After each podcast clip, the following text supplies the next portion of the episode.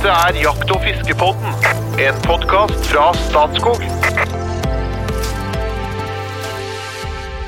Hjertelig velkommen til dagens episode i Jakt- og fiskebåten. Jakt- og fiskebåten er en podkast for dem som er litt interessert i jakt og fiske, og ønsker å bli mer inspirert og få litt mer kunnskap. Eh, Podkasten i dag skal handle om rype og rypeforvaltning. og Det er et eh, tema som engasjerer lytterne våre veldig mye. Så vi får mange spørsmål og ønsker om flere episoder. Og i dag har vi rett og slett toppa laget på det området. For i tillegg til mine eminente makkere, så har vi med en rypeprofessor. Skal komme litt tilbake til det. Er Ikke sikkert han er rypeprofessor, men han er i hvert fall professor og kan utrolig mye om rype. Men før jeg introduserer dagens gjest, så skal jeg introdusere mine eminente makkere. Den ene er jo da selvfølgelig jaktkongen fra Solør, med tre dieselbiler med piggdekk og egen lastebærer og gravemaskin, en diger låve og et svært stabbur hvor det henger elgevir, ei stue som er pynta med et titall rådyr bukkeskaller, mann med doktorgrad i rypeforvaltning og snill kone. og fire barn. Fagsjef i Statskog, podkastens egen rypedoktor.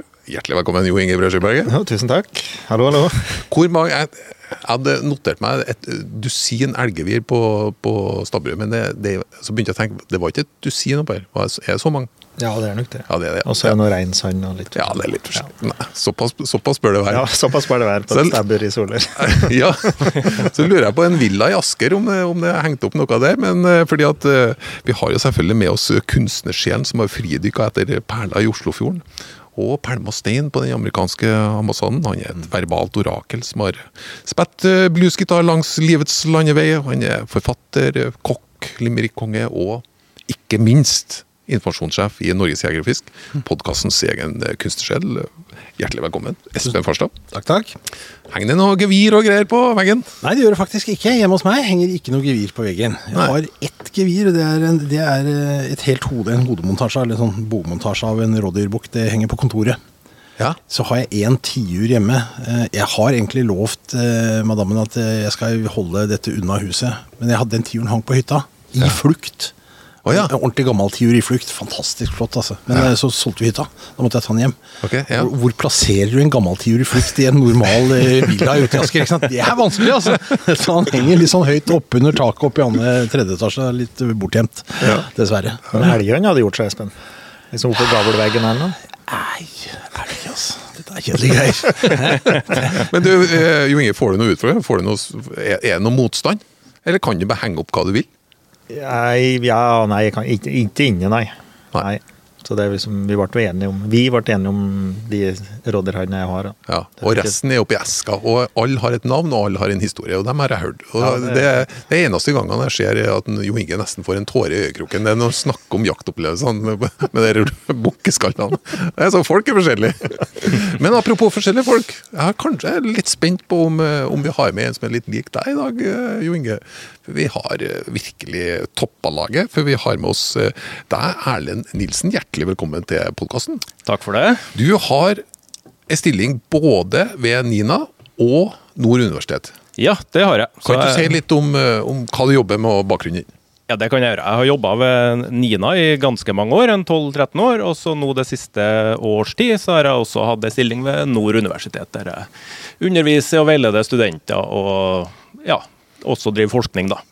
Eh, Det jeg jobber med, eller forsker med, er jo knytta til økologi og naturforvaltning. Jeg har jobba med ganske mange av de ulike viltartene vi har i Norge, men uh, senere ti årene så har jeg brukt ganske mye av tida mi på spesifikt knytta til lirype og rypeforskning. og Nettopp. Ofte forvaltningsrelevant. Man kommer jo fort borti anvendte spørsmål når- man jobber med de her eh, artene. Så selv om vi også er interessert i grunnforskninga og lærer mer om rypene som sådan, så kommer man jo fort borti ting som berører forvaltninga. da. Så her er lyttere og seere, her skjønner dere, her har vi virkelig toppa laget. For vi har jo som sagt da en rypedoktor, som av og til blir kalt rypeprofessor, men da det har han sagt at det er professor er han ikke.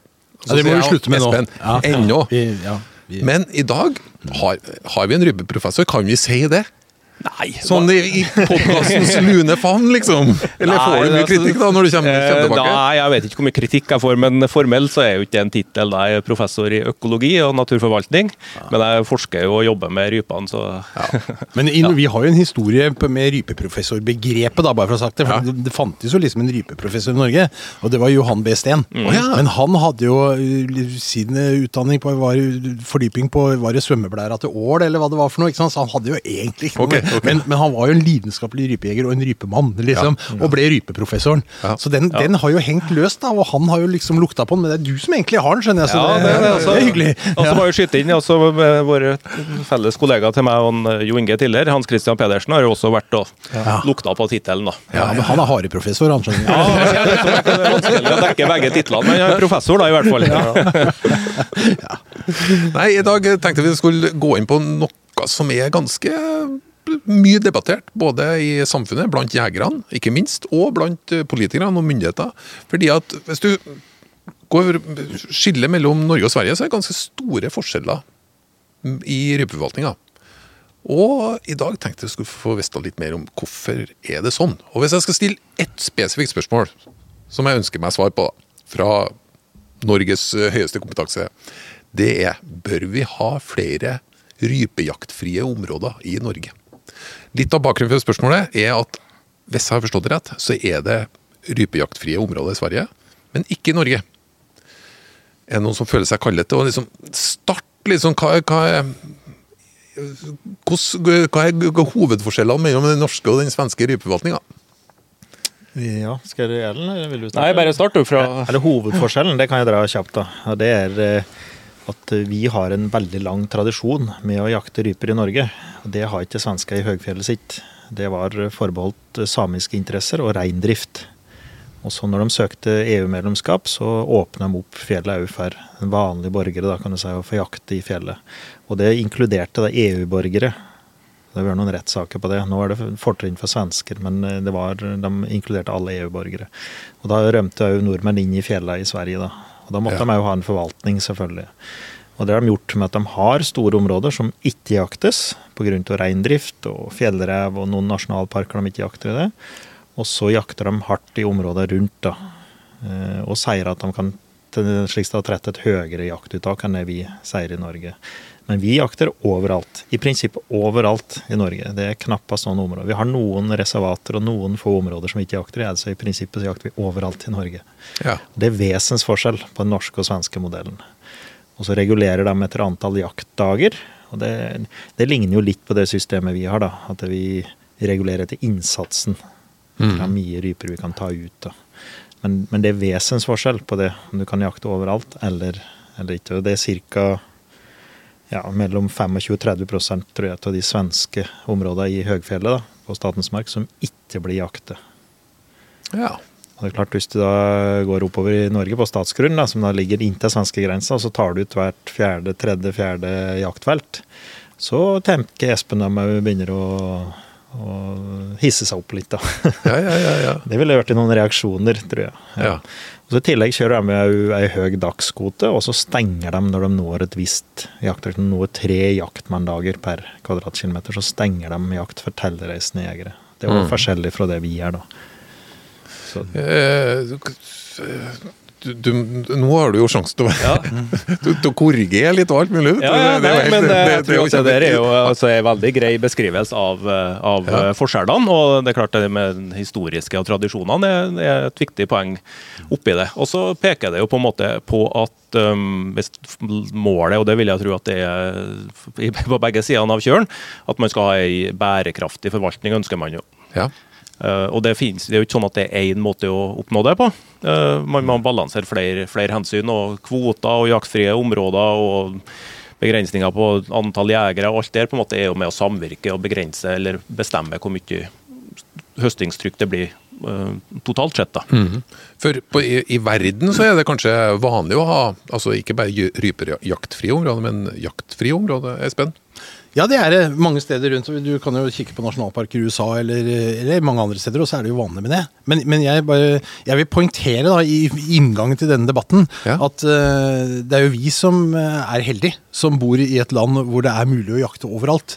Uh, og, og så skal jo ikke det gå på bekostning av det som Erlend sier om at vi skal jo drive en bærekraftig forvaltning. Vi skal bare høste av ja, vi sier høste av et overskudd, så kan vi jo diskutere hva, liksom, akkurat hvordan det er, da. Men, men hensikten, intensjonen, er at vi skal jo ikke belaste rypebestandene uh, utover bærekraftevnen.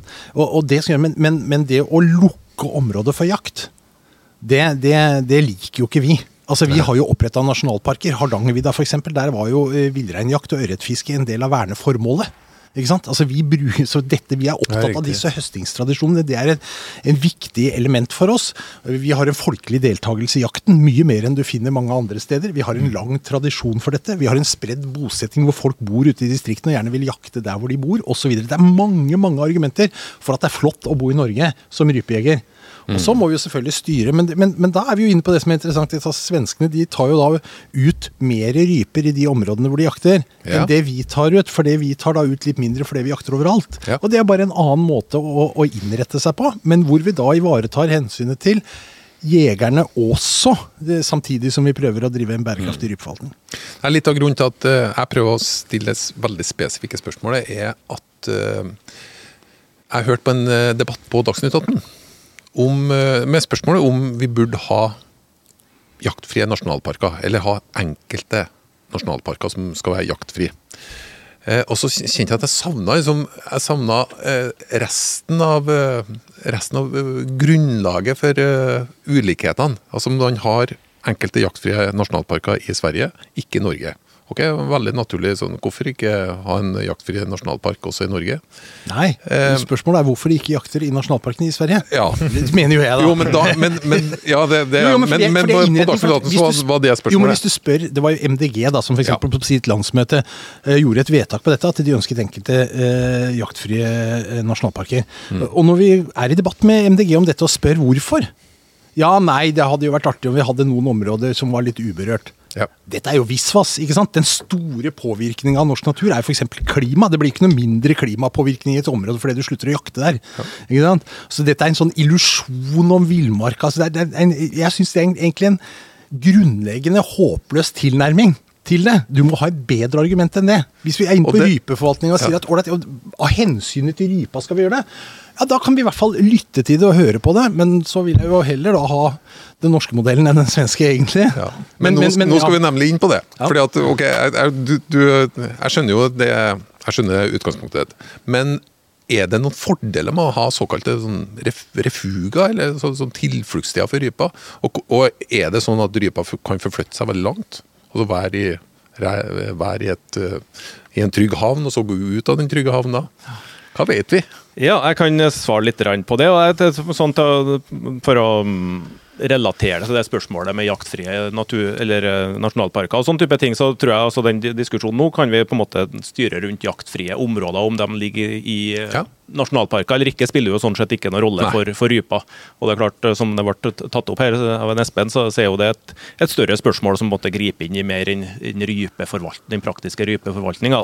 Så hvis vi, hvis vi på en måte tar det ned til, til akkurat det, så, så mm, er jo det en annen modell å forvalte det på, altså at man har jaktfrie områder.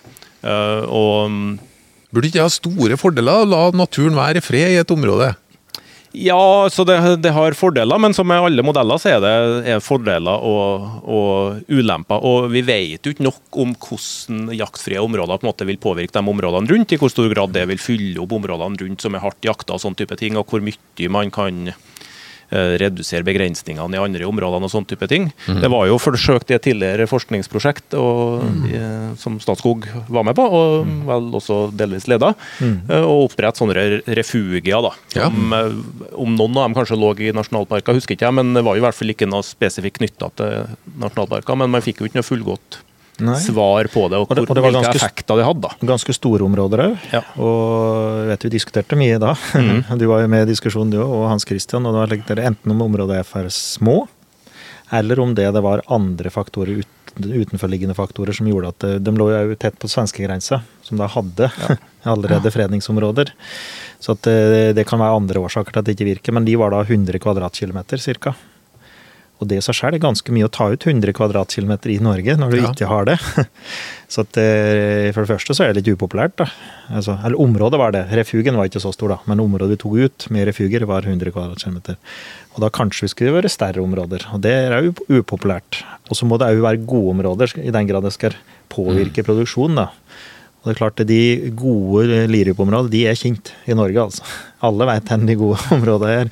Og du må ta ut de, da, skal du få, nødvendigvis få noen effekt på bestanden rundt. Altså Som en kilde, da. Så må du helst ha noen områder som produserer et overskudd. Det nytter ikke bare å ta ut ei steinrøys. Når, når var dette gjennomført? Eh, Det var det rypeprosjektet vi hadde fra 2006 til 2011. Ja, for Fant man ingen, ingen effekt av å ha jakt, jaktfri Vi klarer ikke å påvise noen effekt. Det betyr, behøver ikke bety at det ikke er noen effekt, men vi klarer ikke å påvise noen effekt av dem. Mm. Og En del av utfordringa der var vel kanskje at det var vanskelig å designe et sånt studie. Ja. At man fikk Mm. undersøkt det ordentlig, for at det er mange, så mange faktorer som samvirker. Eh, Så ja. Men, Men, ja. ja. men- jeg har òg hørt snakk om eh, et prosjekt om ringmerking av ryper. Sånn at man har en viss formening om rypa kan liksom forflytte seg mellom et, et, Ja. et ja. Ja, her kan jeg godt eh, følge opp. Altså, vi- ja, ringmerking det har, vi jo det har man jo drevet med fra ikke tidenes morgen, men i hvert fall eh, 100 Ja. år. Eh, Men eh, merking med radiosendere er jo litt, av litt nyere, selv om man har holdt med det en del. Eh, Og forflytningene, jeg tror det er to-tre ting man kan si om det. Det ene er at eh, hekkebestanden, når de har blitt voksne og hekka ett år, så gitt at de er i live, så er de omtrent på samme flekken neste år.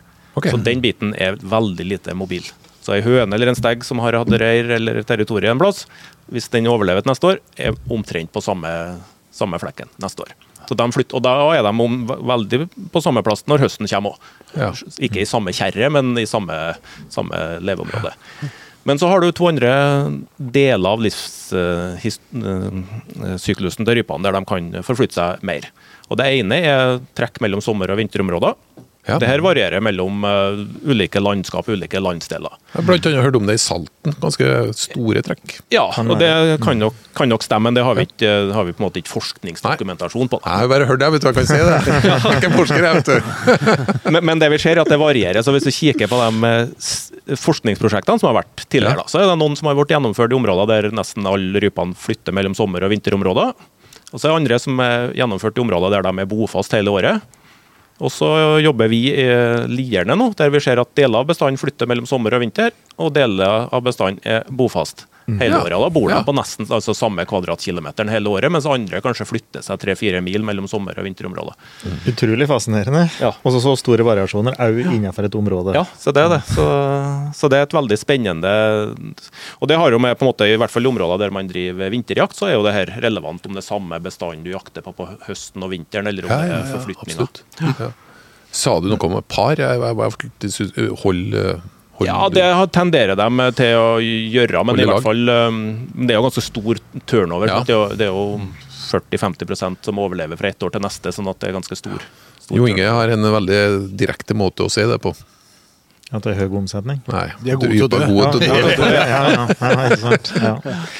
Men du- mindre Hvis, hvis, hvis jeg får skyte inn en ting til, på, en måte knytta til det med forflytninger, så har vi også et, et stadie til der de forflytter seg ganske um, eh, en, eh, ganske betydelig. I hvert fall kan gjøre, og det er jo eh, fra det området de er født og fram til hvor de bo, bosetter seg. Altså det man kaller spredning av unge fugler. Og Ja. eller førsteårsfugl. Og Der er det ofte sånn at uh, steggene forflytter seg ganske kort fra territoriet til far sin, mens hønene har en tendens til å flytte seg noe lenger. da. Okay. Ja. Og Sånn er det hos mange fugler. Ja. Pattedyr så er det typ- typisk Mot- motsatt. motsatt. Ja. Er det glir, Jeg glir videre, selvfølgelig, på, for det er veldig spennende. Men har, har steggen en sånn er, er det en sånn kongestegg i et område?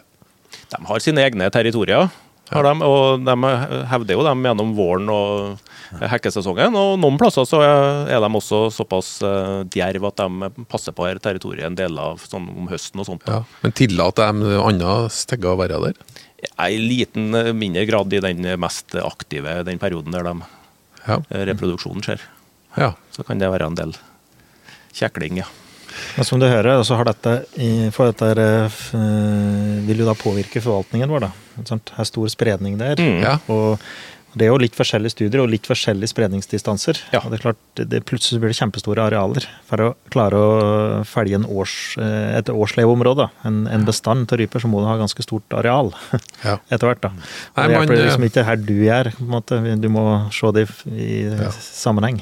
Og jeg tenkte jo jeg skulle utfordre dere litt noe mer nå da, på, på, på å fremme det ene og det andre synet litt. For at man er jo nødt til å ta et valg når man ta forvalter rype. valg, ja. Det Og apropos, valg. apropos valg. eh, Erlend, er du klar for et vanskelig valg?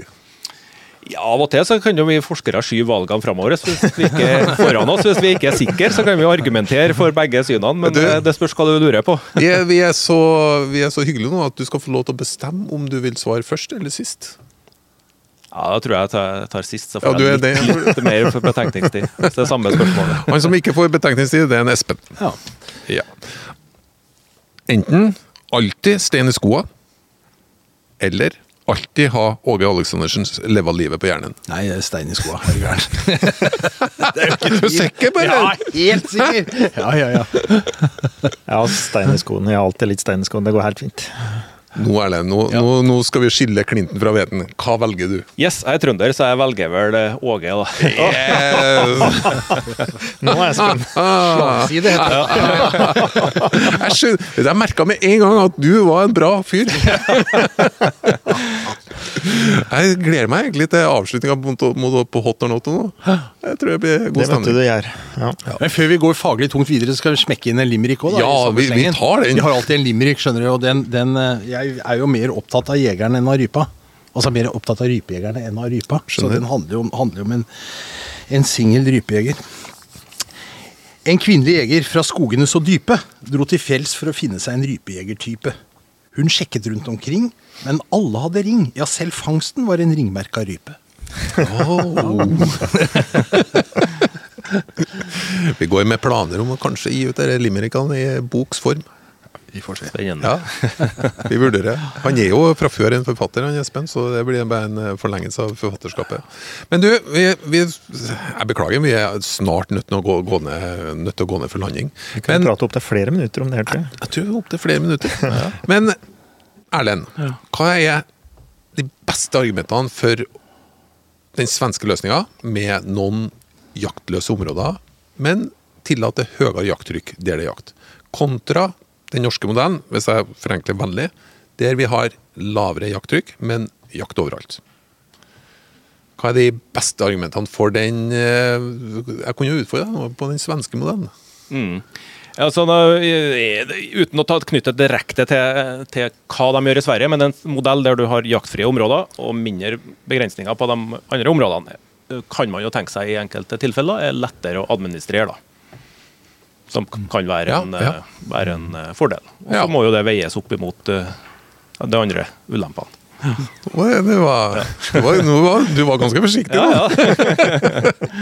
Eh, Jeg skal gi deg en sjanse nå. Jo Inge, du, du er jo faktisk en mann som har direkte påvirkning på mye av den norske rypejakta, så vær så god. Ja, Du, altså, du, du skal få lov til å se både på svensk og norsk. da, Hva er fordeler her nå? ja.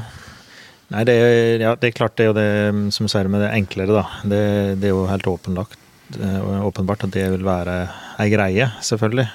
Eh, og vi jakter jo stort sett overalt i den norske bestanden. Men det er jo selvfølgelig områder i Norge òg som er veldig lite berørt av jakt. Ja. Så at eh, det blir jakter, men i veldig liten grad. Og det kan jo være litt sammenlignbart. Så at eh, begge deler har jo sine fordeler, da. Vi ser at det er ganske få som går inn i indre deler av Børgefjell f.eks. om dagen. Og òg deler av Saltfjell òg, som blir, blir jaktet tett på vei, og så avskaler det ganske kjapt utover. Og da skaper du en, litt av det samme, da. At du har jaktfrie områder. Så at begge deler har noe for seg, tenker jeg da. Det var, det var runde svar, altså. Eh, Espen, hva du sier du? Nei, Jeg er jo klokkeklar på Ja. at eh, vi skal ha den norske modellen Ja. eh, som ivaretar på en måte tilbudet til jegerne, samtidig som vi har en fornuftig og bærekraftig forvaltning av rypa. Det klarer vi. Det mener jeg jo, og den historien som vi har hatt med rypa inn og ut av rødlista, og, og jobbinga rundt Hønsefjordportalen, takseringer eh, og, og endringen i holdningen hos jegerne ganske, på ganske kort tid, egentlig. Fra å tapetsere veggen med, med rypefangst til å være godt fornøyd med de kvotene man får. Altså, det, er opplevelsen og fjellet og sånn som, som er viktig. Jeg tror vi er på veldig riktig vei her. Og så er Det er et element her som vi ikke har vært innom, og det er altså den fragmenterte grunneierstrukturen vi har i Norge. Som gjør at vi har eh, ganske få områder, men heldigvis noen, da, som er statsgrunn, som er særdeles verdifulle ikke sant, for å sikre den allmenne tilgjengeligheten. Eh, og det er jo disse områdene som vil bli tatt ut til refuger hvis det er noe som skal tas ut. Det er 100%, de, de tar ikke forlogna, ikke sant?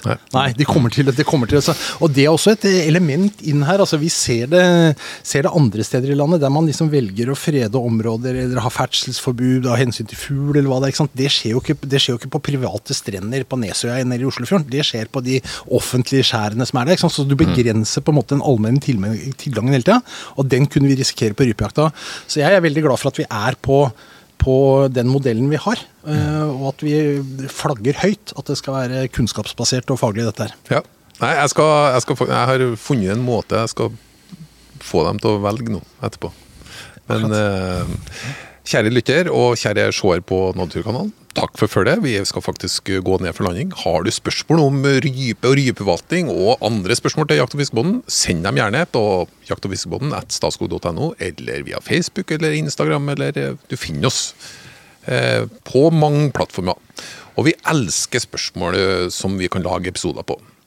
Og eh, før vi fader helt ut, er du klar for hot or not? Hot. Det er hot, ja. Ja, ja. Vet vi tar Erlend? Du skal svare først. skal jeg det? Ja. ja, ja. Men den ble litt utvida her nå. Så ja, den ble utvida med to ting. Eh, svensk rypeforvaltning, hot or not? Not. not. Norsk rypeforvaltning, hot or not? Um, ja, hot. Ja, hot. Ja, ja, hot, ja. Ja. Pengespillet Lotto, hot or not? Not. Not. Not. Det sosiale mediet TikTok, hot or not? Med not for gammel. Not. Jeg svarer hot, jeg. Ja. Ja. Regionsreformen, hot or not? Eh, not. Not. Not. Gratis innlandsfiske for alle, hot or not? Hot. Ja, ja, hot. da. Ja, hot. Nei, jeg svarer faktisk not. Det kan jeg tenke meg. Ja. Men vi kan ikke forklare noe. Gjeddetaco, hot or not? Not. Nei, jeg sier hot. Not. Ja, det er krydderet, det. Ja, du må ikke taco not. Ja. Ok, fra Namsos-diamanten Shan, låta 'Natt og dag', hot or not? Not. Not. Not. men det jeg hørte var hot for alle sammen! Takk for det, og velkommen tilbake neste uke.